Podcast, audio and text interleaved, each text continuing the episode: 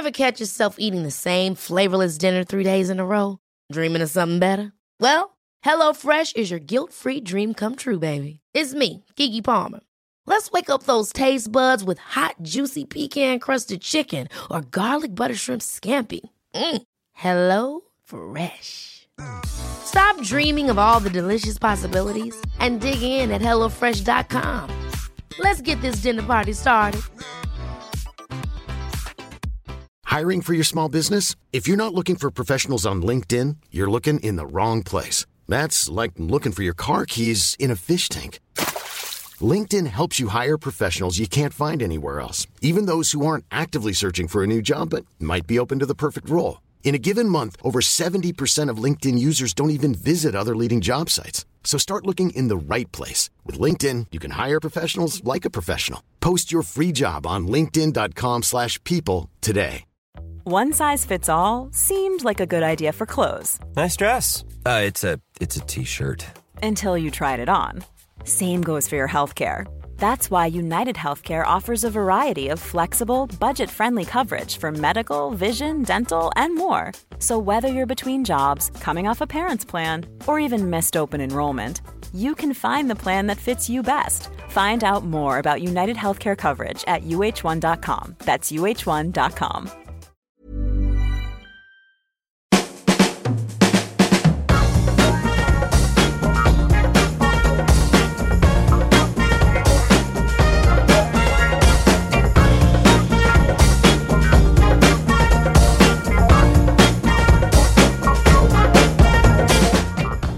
Välkomna till Health for Wealth, andra säsongen, avsnitt 13.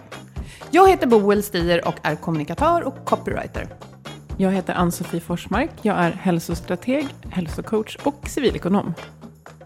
Och eh, jag vill börja med att lyfta fram lite feedback som vi har fått på den här podden. Därför att en, en chef som jag känner, hon har tipsat sina medarbetare om att lyssna på ett avsnitt och sen har de vid ett möte diskuterat det ämne som vi har tagit upp i podden. Och eh, ja, det har funkat jättebra. Det blir vi så himla glada för att höra. För då kommer ju verkligen våra avsnitt och eh, innehållet i vår podd till konkret användning. Mm. Så det tycker vi att ni kan testa. Välj ut ett avsnitt och, eh, och Mm. lyssna på och diskutera. På en lunchpromenad, på en ja, konferens, Mm. när helst. Ett annat tips är att boka in fredagen den 25 november i era, era kalendrar. Och då är ni varmt välkomna till Stockholmsmässan. Där håller vi en fantastisk frukostworkshop om hur hälsa kan bli ett verktyg för lönsamhet. Ni kommer att få delta, inte bara lyssna, i samtal och diskussioner med våra tunga panelmedlemmar som har en massa praktisk erfarenhet att dela med sig av. Läs mer på hemsidan healthforwealth.se. Ja, vi hoppas att ni inte vill missa det. Och eh, ni kommer att få träffa årets HR-chef och Europas bästa arbetsgivare bland andra. Och vår gäst som vi har i studion idag. Ja, vi har en gäst som sysslar mycket med ledarskap och kommunikation. Han tycker att det är viktigt att jobba strategiskt men också mäta effekter. Och han drar sig inte för att tala klarspråk. Nej, för att ledarskapsutbildningar suger, säger Johan Bok. Och eh, så kan man inte säga utan att förklara sig. Så idag vill vi prata med Johan om varför han tycker så, vad han tycker skapar en bra ledare och hur man ska jobba istället för att skicka folk på utbildningar som suger. Så välkommen hit Johan! Tack så mycket. Otroligt kul att vara här och det kommer att vara väldigt roligt att vara med på mässan också. Ja. Ja, Vill du berätta lite om vem du är? Eh, vi kan ta populärversionen. Jag är skånsk som ni hör. Eh, jag är ganska sällan nervös och brukar skryta om att jag typ aldrig är det. Jag var det en gång när jag spelade min första landskamp i volleyboll. Sen har jag inte varit det sen till en månad tillbaks. Då var jag föreläste för 50 lärare. Då kom nerv- nervositeten igen. Och det var nog det här lära att man är van att bli bedömd på ett helt annat sätt. Men idag är det också lite nervös för jag pratar ju skånska. Jag kommer att känna mig otroligt så fokuserad att uh, utesluta ord med ett R i mitten. Typ som hamburgare och sånt. För då låter man inte riktigt klok. Och då ska jag bara säga att jag hoppas att du inte tänker på hur du pratar, utan att du bara förmedlar det du har att säga. Är det okej? Det är helt okej. I övrigt så är jag 40 år gammal, tvåbarnspappa. Eh, Jag brukar säga att min ålder äntligen har kommit ikapp mitt utseende. Vilket jag menar att jag har sett ut som 40 sedan jag var 20. Men om det fortsätter så här så kommer jag se jäkligt fräsch ut när jag är 70. Så då kommer jag vara en riktig pudding. Eh, jag älskar kaffe och om jag ser ett hav så vill jag väldigt gärna bada i det. Jag badar åt dem. Och så älskar jag arbetspsykologiforskning. Jag är otroligt. Andra gillar kanske flugfiska eller baka kakor och sånt. Jag läser forskningsrapporter. Till min sambos stora förtret. Varför just i arbetsmiljö? För psykologi är du intresserad av, men varför i arbetslivet? Um, ja, men det började nog när jag var liten. Jag önskar att jag kom ihåg mer i relationen med min mamma och pappa. Liksom. Så jag är väldigt intresserad av vad som driver folk och vad som får folk att tycka saker är roligt. Så det första var väl när jag började skolan att jag tänkte att ja, men varför tycker jag den här lektionen är så jäkla rolig och den här lektionen tycker jag är skittråkig. Och då såg jag ju direkt sambandet med läraren. Sen började jag med idrott som jag har hållit på med hela mitt liv. Och då var det så här, varför tycker jag det är så kul när jag har den här tränaren men tycker det är tråkigt när jag har den här.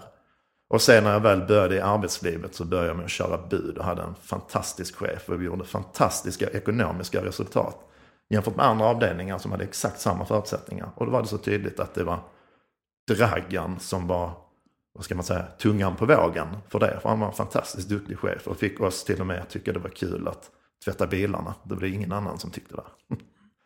Så det har jag liksom tagit med mig hela när jag började plugga. Eh, det var inte alls självklart att jag skulle bli medie och kommunikationsvetare utan jag sökte in till sjuksköterska också. Så då hade jag kanske stått idag och bytt kateter på någon gammal gubbe och det hade också varit väldigt roligt förmodligen. Och jag har försökt mm. göra det så bra som möjligt. Mm. och när jag pluggade medie och kommunikationsvetenskap så ville ju alla jobba på byrå för det var jävligt fräckt. Men jag ville jobba internt för jag hade sett vad man kunde göra internt. Men då hade jag inte så klar, klar bild i huvudet som jag har idag. Mm. Det känns som att ledarskapet är en röd tråd rakt igenom. Mm. Absolut. Och då kommer vi till den brännande frågan. Varför tycker du att ledarskapsutbildningar suger? Har jag sagt det? Ja, det har du. ja, det har jag. Jag brukar inleda mina föreläsningar och utbildningar med att säga det. Och då ser jag att det kan sitta hundra chefer som bara tänker så. Vad är det för en idiot de har dragit hit? Givetvis så har det ju mycket med att göra att jag vill provocera, få fram saker i ljuset och just prata om effekt. Och om vi tittar på effekter av ledarskapsutbildningar, och jag är väldigt så här forskningsbaserad. Jag brukar säga att jag är ledarskapsbranschens Leif GW Persson minus några kilo. Och det kan ju verka jäkligt tråkigt att man alltid utgår från statistik och forskning. Men om man gör det så är sannolikheten att man lyckas med sina satsningar så mycket större. Och om vi tittar på ledarskapsutbildningar och metaanalyser så ser man att Beroende på vilka teorier man har lärt sig i ledarskapsutbildningen så finns det en viss impact i direkt anslutning till att man har gått den. Men om man tittar på några månader eller ett års kurva framåt så finns det nästan ingen positiv effekt kvar. Så ur den aspekten kan man ju säga att ledarskapsutbildningar suger om syftet är att man ska bli en bättre chef. Och så är det ju väl oftast. Men då är det helt bortkastade pengar. Men vad tycker du det är man missar då? Det jag kan ju säga är att eh, alltså min bransch är ju som alla andra branscher. Det finns bra leverantörer, det finns mindre bra och det finns vissa som är väldigt duktiga på att sälja och paketera. Det jag tycker vi glömmer i min bransch det är att vara väldigt tydliga med vad det kommer att krävas av kunden när det väl eh, ens chefer kommer tillbaka från utbildningen. För det krävs att man liksom med allt annat sätter upp mål för ledarskapet, att man följer upp dem, återkopplar, uppmuntrar och det är ju chefens chef som ska göra det. Så det bästa är egentligen att skicka ett helt chefsled på samma utbildning så att de förstår vad de har att göra med och hur man uppfyller och eh, når sina mål.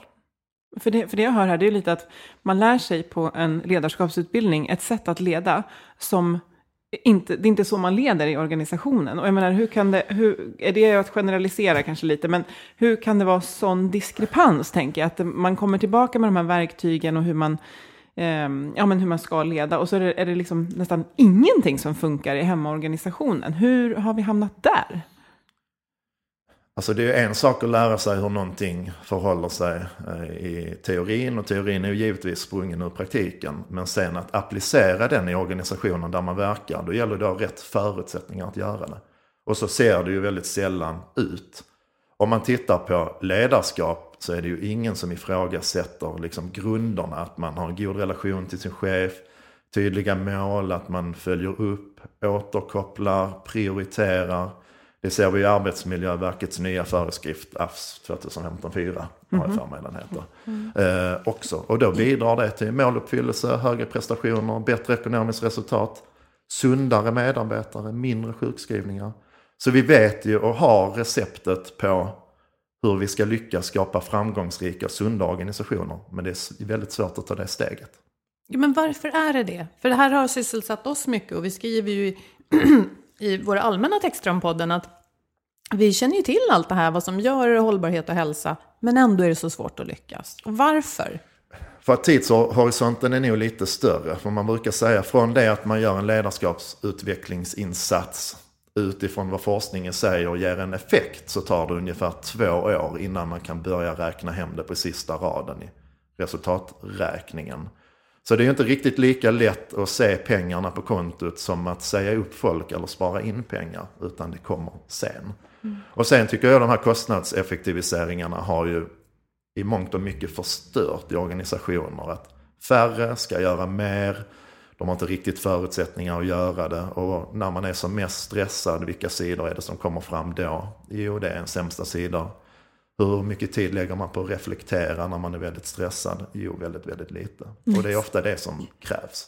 Så vad det säger egentligen att man kanske skickar chefer på ledarskapsutbildningar, men samtidigt tittar man i bokslutet och vill göra väldigt kortsiktiga ekonomiska effektivitetsvinster och så lirar inte de här, eller? Alltså om man tittar på kvartalsekonomin, att man ska lever- leverera ett högt resultat varje kvartal, så rimmar det ju jäkligt dåligt med en ledarutvecklingsinsats där man kanske ser först efter två år att det börjar trilla in slantar. Men det är ju ingen tvekan när man tittar på forskningen att slantarna kommer att trilla in. Det gäller ju bara att vara uthållig i det. Men skulle man kunna säga att om förutsättningarna jobbades med parallellt med att man var iväg och lärde sig teori, för jag har ju själv gått en ledarskapsutbildning och, och, och studsade glad därifrån med jättemycket inspiration. Ja, det gör så. alla. Ja, det gör alla, precis. Ja.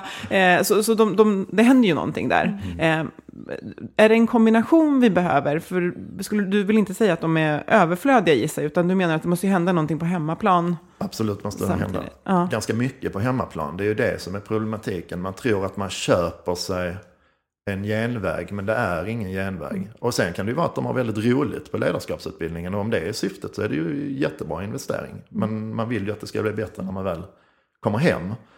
Jag var på en stor kommun i förra veckan. De hade 500 chefer som hade gått flerdagsutbildningar hos en stor leverantör i Sverige under fyra års tid. Och då frågade jag så, men vad är effekten av ledarskapsutbildningen? Det vill säga, blir era chefer bättre chefer? Och det är ju deras medarbetare som bestämmer om de blir det. Och då var HR-cheferna, ja just det, nej det är det de inte har blivit. Men då hade de ändå mätt det, och det kanske man inte De hade ändå gör. mätt det, ja. Mm. Men eh, det är ju själva mellan, jag tycker ju mätningarna är fantastiskt bra att göra. Men mätningarna är ju inte bättre än resultatet man tar hand ifrån dem. Och jag, om jag säger att ledarskapsutbildningar suger så kan jag säga att eh, jag tycker medarbetarundersökningar också suger. Och det handlar lika mycket om att man inte tar hand om resultatet. Ja. Jag brukar ta min mammas väninna Britt som exempel. Hon jobbade inom skolvärlden i Malmö. Där hade hennes chef kommit till henne och sagt att eh, Britt har inte svarat på medarbetarundersökningen. Hur hon nu kunde veta det, det är också lite konstigt. Och då ställer Britt frågan tillbaka. Hon är en ganska rivig donna. Och bara, nej det har jag inte gjort. Varför ska jag göra det? Nej, för vi behöver att så många som möjligt svarar. Då sa Britt, ja okej, men jag kommer inte att svara. Nähä, varför inte då? Svarar chefen lite surt.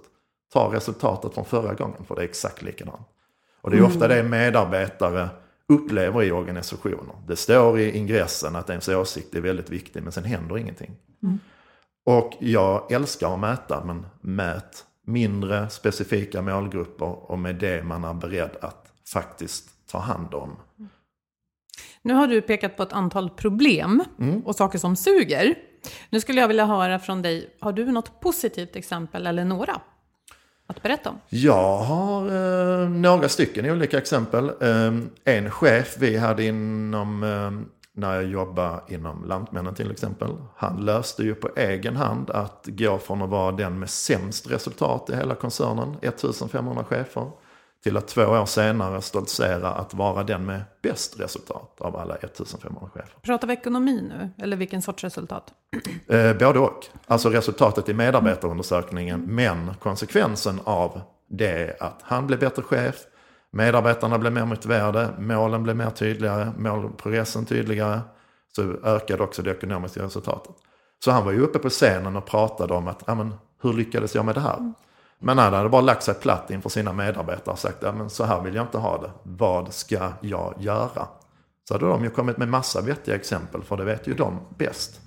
Och så gjorde han det, och han sa, jag lägger 15 minuter om dagen på intensifierat ledarskap. Och jag skriver upp i min kalender att den här dagen ska jag ge feedback gällande det. Den här dagen så ska vi liksom luta det mot de målen vi kommit överens om. Så på det sättet så gjorde han det helt själv. Så han vågade dra ner brallen offentligt kan Ja, man säga? ja, det kan man lugnt säga. Och han var från Tyskland och det är nog ganska ovanligt i Tyskland att man gör. Sverige räknas ju som lite plattare organisationsmässigt.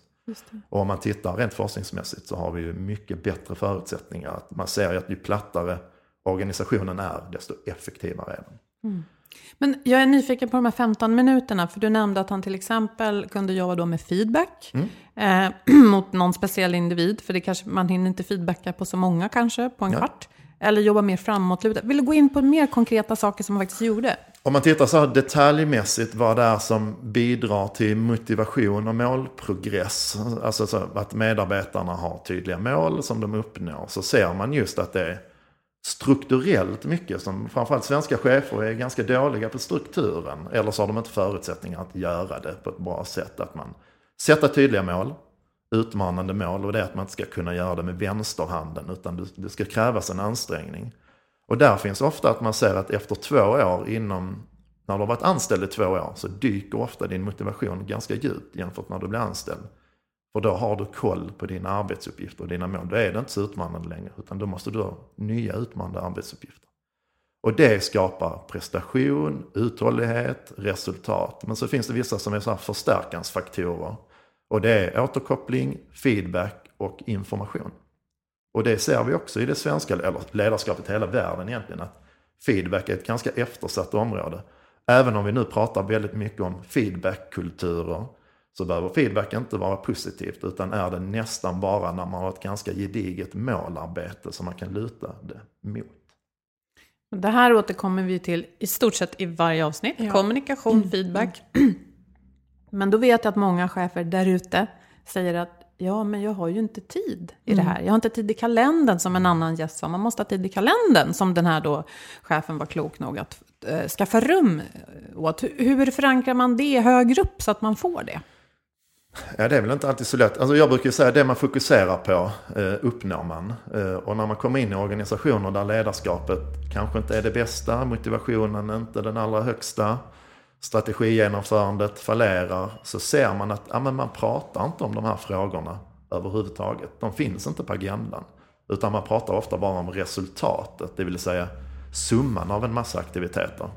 Jag brukar ju hellre prata om aktiviteterna som ska bidra till resultatet och där kommer man in i hos människorna och det är ledarskap och det är motivation och riktning. Jag brukar prata om fart och riktning. Att man kan vara kung i en medarbetarundersökning som chef, vilket inte behöver betyda nödvändigtvis att du är bra för din organisation. För du kan leda din verksamhet i en riktning som det inte är tänkt. Och jag som då är väldigt glad vid att mäta minst sagt och går in och mäter strategigenomförande och då tittar jag på kunskap, attityd, förutsättningar och beteende till den strategin vi väljer att ta tempen på. Ser jag ibland väldigt tydligt att ja, men vi har en chef här med jättebra ledarskapsbeteende, supermotiverade medarbetare, men de jobbar inte enligt lagda strategier. Och då får man ju gå in och skruva på det. Men jag är ofta så här att um, upplever att andra chefer kan känna sig provocerad av mig. Och så är det absolut inte, utan jag är på chefernas sida. Jag har själv varit mellanchef i många år och jag vet exakt vad det innebär. Så de jag ofta går på, det är ju ledningsgrupper och styrelser. För det är ju där det sitter att skapa förutsättningar för sina chefer att leda. För om ledarskapsfrågorna eller människofrågorna inte finns på agendan så kommer det inte finnas i organisationen heller. Men och är det inte ofta man, man, man tycker att de, de gör det, men kanske ur ett fel fokus? För jag skulle vilja backa lite till att den här chefen som hade liksom lagt sig platt och bara sagt vad, vad vill ni ha? Det var, ju, det var ju ett sätt, men ett annat sätt skulle ju kunna vara att som mellanchef bli rustad för att förstå vilka verktyg och förutsättningar och kunskap man behöver. Och det är väl där man tänker att syftet är med de här ledarskapsutbildningarna, att det, det åker du iväg och får lära dig. Så att hur skulle liksom ett för ett lärande behöver ju ske i organisationen ändå för att vara en bra ledare. Mm. Man behöver, hur, hur skulle det kunna ske då inom organisationen? I, ibland, en, en gen, genväg man kan ta, det är ju faktiskt att mäta. Det, man behöver faktiskt inte alltid utbilda. Utan om du ställer rätt frågor i mätningen. Jag har ett projekt som jag föreläser ganska mycket om. Det var 32 chefer. Och i det projektet, vi gjorde ingen regelrätt utbildning utan vi eh, sålde in varför vi skulle jobba och stötta med dem. Vi lutade framförallt våra ledarutvecklingsinsatser på något verkligt, det vill säga strategigenomförandet i deras organisation. Så vi mätte både ledarskapsbeteende och strategigenomförande. Hur väl, liksom var de var i arbetet med att förverkliga strategin. Hade de lyckats sälja in den nya strategin till sina medarbetare? Eh, hade de lyckats skapa en positiv attityd? För det är väldigt viktigt att man vill göra saker. Det ser man också inom motivationsforskningen. att vill slå måste sju dagar i veckan. Och ju mer man upplever att man till mesta delen har arbetsuppgifter som man vill göra, desto bättre kommer man prestera, desto mer innovativ kommer verksamheten vara, desto mer ekonomisk och desto sundare att man blir friskare. Och då måste man som britt ha ett varför? Absolut, ja det där varför är ju jätteviktigt hela tiden, att man förstår syftet. Så om man inte klarar förklara syftet med ett strategigenomförande eller att man ska göra någonting nytt så är sannolikheten ganska låg att man faktiskt lyckas. Men det vi gjorde i det här projektet det var att vi ställde frågor. Nu ställde vi frågor efter någonting som heter kommunikativt ledarskap som kommer från Mittuniversitetet. Det handlar om hur man strukturerar, utvecklar, interagerar och representerar inför sina medarbetare. Och sen gick vi då ut och mätte strategigenomförandet. Så om jag jobbade på business controlling så var det andra strategier än om jag jobbade på marknad och sälj. Sen satt jag med respektive chef. Att först hade vi en liten diskussion kring ledarskap. Sen hade vi något som kräkseminarium som uppkom av sig själv. Där de liksom fick spy ur sig allting. För det är inte alltid så lätt att vara mellanchef i en mm. organisation som sätter skyhöga mål och där förutsättningarna kanske inte är de bästa. Och sen gick vi igenom fråga för fråga. Bara, Okej, okay, dina medarbetare upplever inte att de har tydliga mål. Du får det här indexet. Vad skulle du vilja ha för index? Och då är alla så, ja men 100 ska jag ha. Mm. Ja men var rimlig, liksom. 85 är kanske rimligt. Och sen fick de själva komma på förbättringsaktiviteter. Och det är någonting man kallar så för omvänd målsättningsmodell. Och då ser man att de som använder den har en mycket högre målprogress än om chefen sätter mål om mm. sina medarbetare. Så det innebär egentligen att jag går in som chef och säger att Okej, okay, jag är chef för den här kommunikationsavdelningen. Jag vill att vi ska uppnå det här. Och sen kan jag vända ryggen till medarbetarna så får de själva komma fram till vilka delmål vi ska ha och vilka aktiviteter vi ska genomföra. Och det var precis så vi gjorde. Så de här cheferna träffade jag sex timmar inom loppet av ett år. Det var 32 chefer. 31 av dem gjorde minst 10-gradiga indexökningar i sitt ledarskapsbeteende.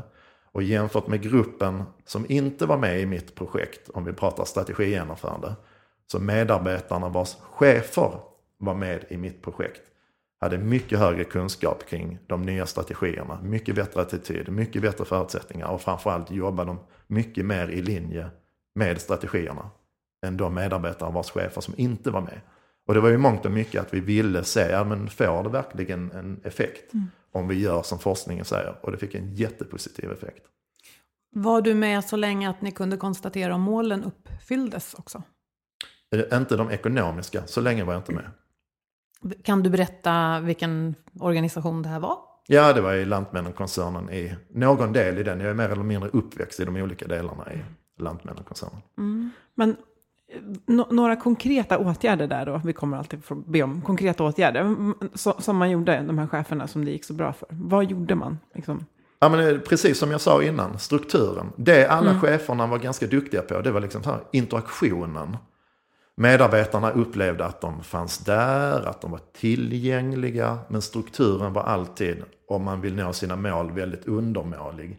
Medarbetarna uppfattade inte sina mål som tydliga. De kände inget målengagemang. De upplevde absolut inte att de fick någon feedback. Och någonting som är väldigt viktigt, för vi kommer förmodligen in på lite osunda organisationer kanske efter ett tag.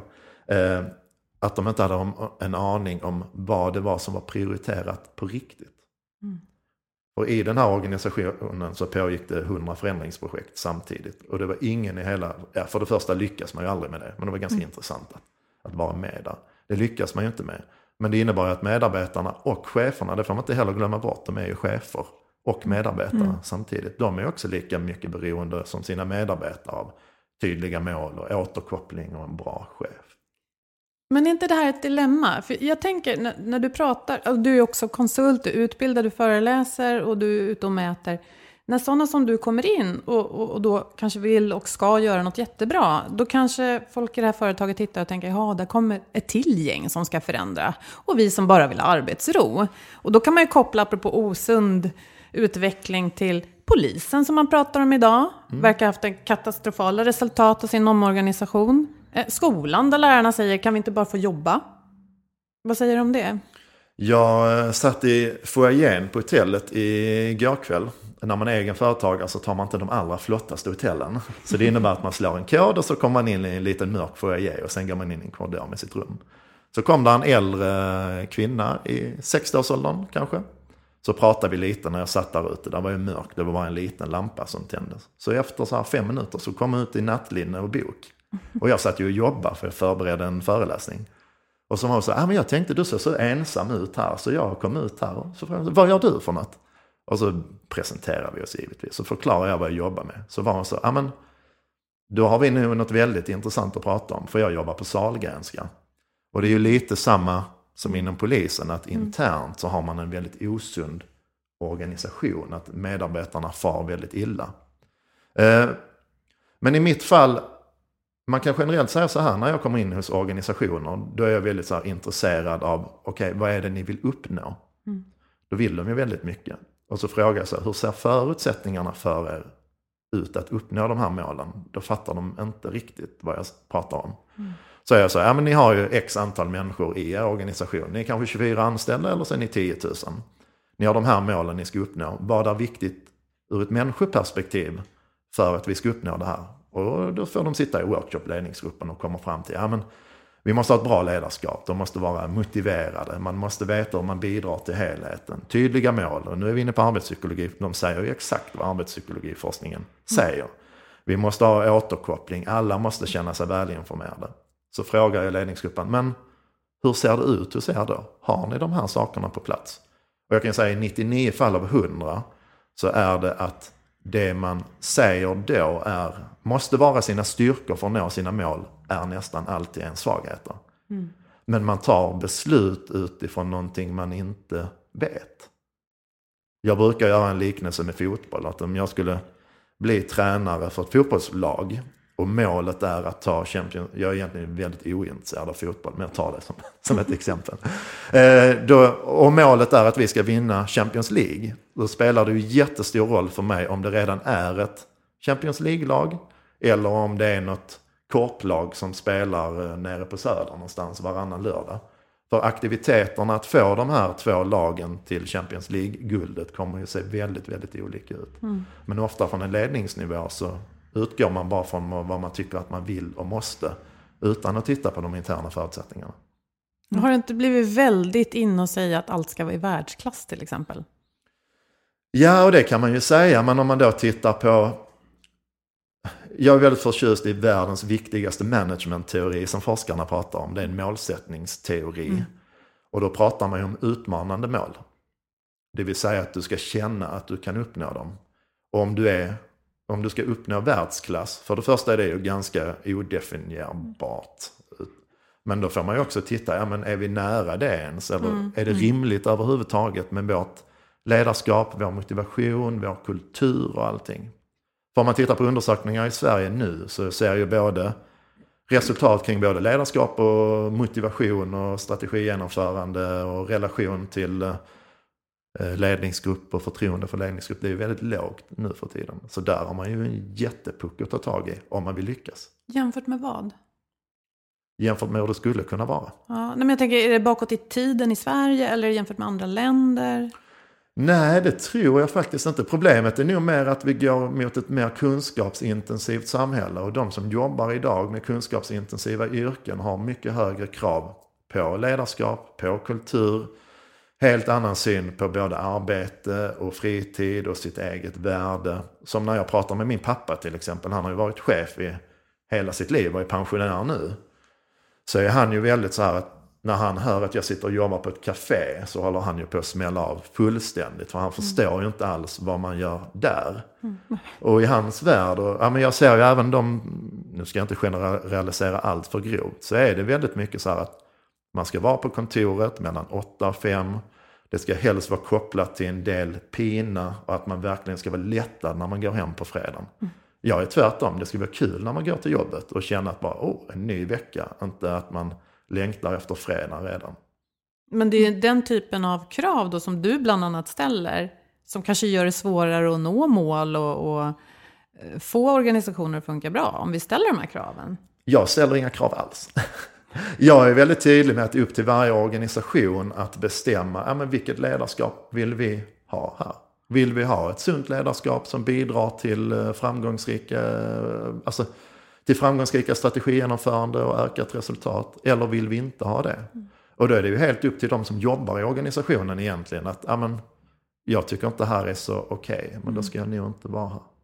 Och då kommer vi in på någon slags employer branding-fråga. Att där försöker man ju också ta genvägar. Att det går mer åt reklamhållet. Att det är mycket floskler. Man blåser upp sig väldigt, eh, väldigt stort. Och förväntningar är ju väldigt viktigt att infria. Så tänk dig när du har blåst upp ditt eh, företag eller organisation i employer branding. Sen så börjar det en anställd och är oj, det var ju inte alls som jag trodde. Du säger att du ställer inga krav, men jag tänker att du har mycket erfarenhet med dig som chef själv. Så att du har ju gissningsvis eh, grejer som du tänker att det här, det här gjorde jag bra. Och sen har du liksom misstag. Vilka är liksom dina största lärdomar under din tid som, som chef? Min, ja, man kan säga, min största lärdom nu är att jag är mycket bättre på att få andra att bli bättre chefer än vad jag själv var chef. Alltså jag var nog typ en medelchef som alla andra. Jag visste ju exakt vad jag behövde göra för att det skulle vara bra. Men jag tror inte att mina medarbetare upplevde att målen var jättetydliga eller att prioriteringen. Sen upplevde de mig nog som en bra person att jag verkligen månade om dem. Att, för jag brukar ofta prata om ledarskap som att ja, men mitt enda uppdrag är ju att styra min verksamhet och låta mina medarbetare få de absolut bästa förutsättningarna att prestera. Så det är ju egentligen de som har makten över mig. Men ofta så ser man ju som att chefen är den som har makten. Och det kan ju vara att man är i en hierarki över sina medarbetare. Men det är medarbetarna som har makten över resultatet. Så man är väldigt beroende av dem. Och då borde man ju rimligtvis ägna dem väldigt mycket tid och omtanke givetvis. Istället för att åka iväg på en kurs, stanna kvar hemma och eh, vara med sina Eller göra både och. Ja. Ja men det är ju ofta så här att ja, men det är ju jättebra att åka på en kurs. Om man förvaltar den när man kommer hem. Annars är det ju lite onödigt. Och då har vi faktiskt fått svar på det här provokativa uttalandet som vi inledde med.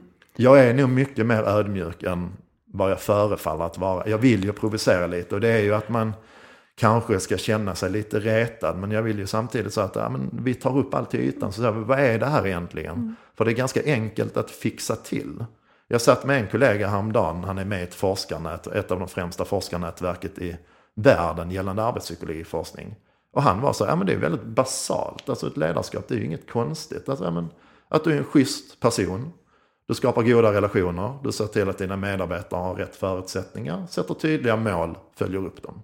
Det är inte rocket science, men ändå är det så svårt att genomföra. Och det ofta är det ju att man måste börja med nya vanor. Och det enklaste är att börja med nya vanor om omgivningen tillåter det och uppmuntrar det. För ett beteende styrs ju jättemycket av uppmuntran. Om jag bakar kakor varje dag och ingen tycker de är goda eller säger det så kommer jag ju sluta ganska omgående med det. Ja. Om jag försöker sammanfatta, och ni kanske vill hjälpa mig lite med det. Så tänker jag så här att det är lättare att uttala mål som kanske låter väldigt snofsiga än att verkligen nå dem. Eh, att nå mål och genomföra förändringar tar tid och måste få tid. Och sen måste vi kommunicera mycket mer, upp och ner och kors och tvärs i alla organisationer. Väldigt mycket. Nu sitter jag ju mycket med ledningsgrupper och då får man ju ofta höra att de är, alltså de är på en strategisk nivå, de förutsätter att deras underordnade chefer löser alla puckar. Men jag är väldigt så här, och det är också om man tittar på arbetspsykologiforskning, du kan vara väldigt mycket strategisk i ditt arbete på ledningsnivå, men när det gäller ledningskommunikation måste du vara jäkligt operativ för att ni ska lyckas. Och där i ligger ju också förtroendet för ledningsgruppen. Om du inte syns ute, hur ska man då kunna ha förtroende för någon? Mm. Och ledningsgruppen är ju de som ska bära flaggan och gå först i ledet egentligen. Mm. Och jag tar med mig att eh, ledarskapsutbildningar kan vara fantastiska, men det är precis lika viktigt att eh, förutsättningarna för det man kommer tillbaka med finns i organisationen och kanske ofta att man just börjar där egentligen och jobbar med de bitarna, förutsättningar och Helt korrekt. Och nu kan jag ju kanske låta lite raljerande, men det är ju precis som ni sa innan, att det är tålamod, börja med små steg. Jag brukar alltid tipsa om att amen, börja i liten skala, se om det går bra, då är det mycket lättare att sälja in upp i organisationen och sen kan man skala upp sina insatser. Så att man inte kommer och säger nu ska vi förändra hela organisationen i ett nafs, för då kommer det garanterat bli stopp. Mm. Det är som när man vill resa sig ur soffan så räcker det kanske med att bara ta trapporna istället för hissen. Man mm. måste inte springa långa... Eller cykla en annan mm. väg till jobbet. Mm. Man säger ju efter att man fyller 28 så förändras man ju ganska lite. Och jag har ju rannsakat mig själv i det. Att så här, ja, men jag gör ju hyfsat samma sak alltid. Fast, in, fast du är inte med i en podd varje dag. Ja, men jag har varit nu. ja, och det är vi väldigt glada för. Tack Johan, det här var intressant. Vill du höra mer av Johan, det vill jag, så kom till vår workshop där vi fokuserar mycket på ledarskap och kommunikation och annat som gör hälsa till ett verktyg för lönsamhet. Kom till Stockholmsmässan den 25 november, som vi har sagt förut. Och ja, till dess. Hittar du oss på Facebook, på LinkedIn och på vår hemsida healthforwealth.se. Och ni får jättegärna recensera oss i iTunes. Och som vanligt så tackar vi Agda Media för den här produktionen. Ha det så bra. Hej då. Hej då. Hej då.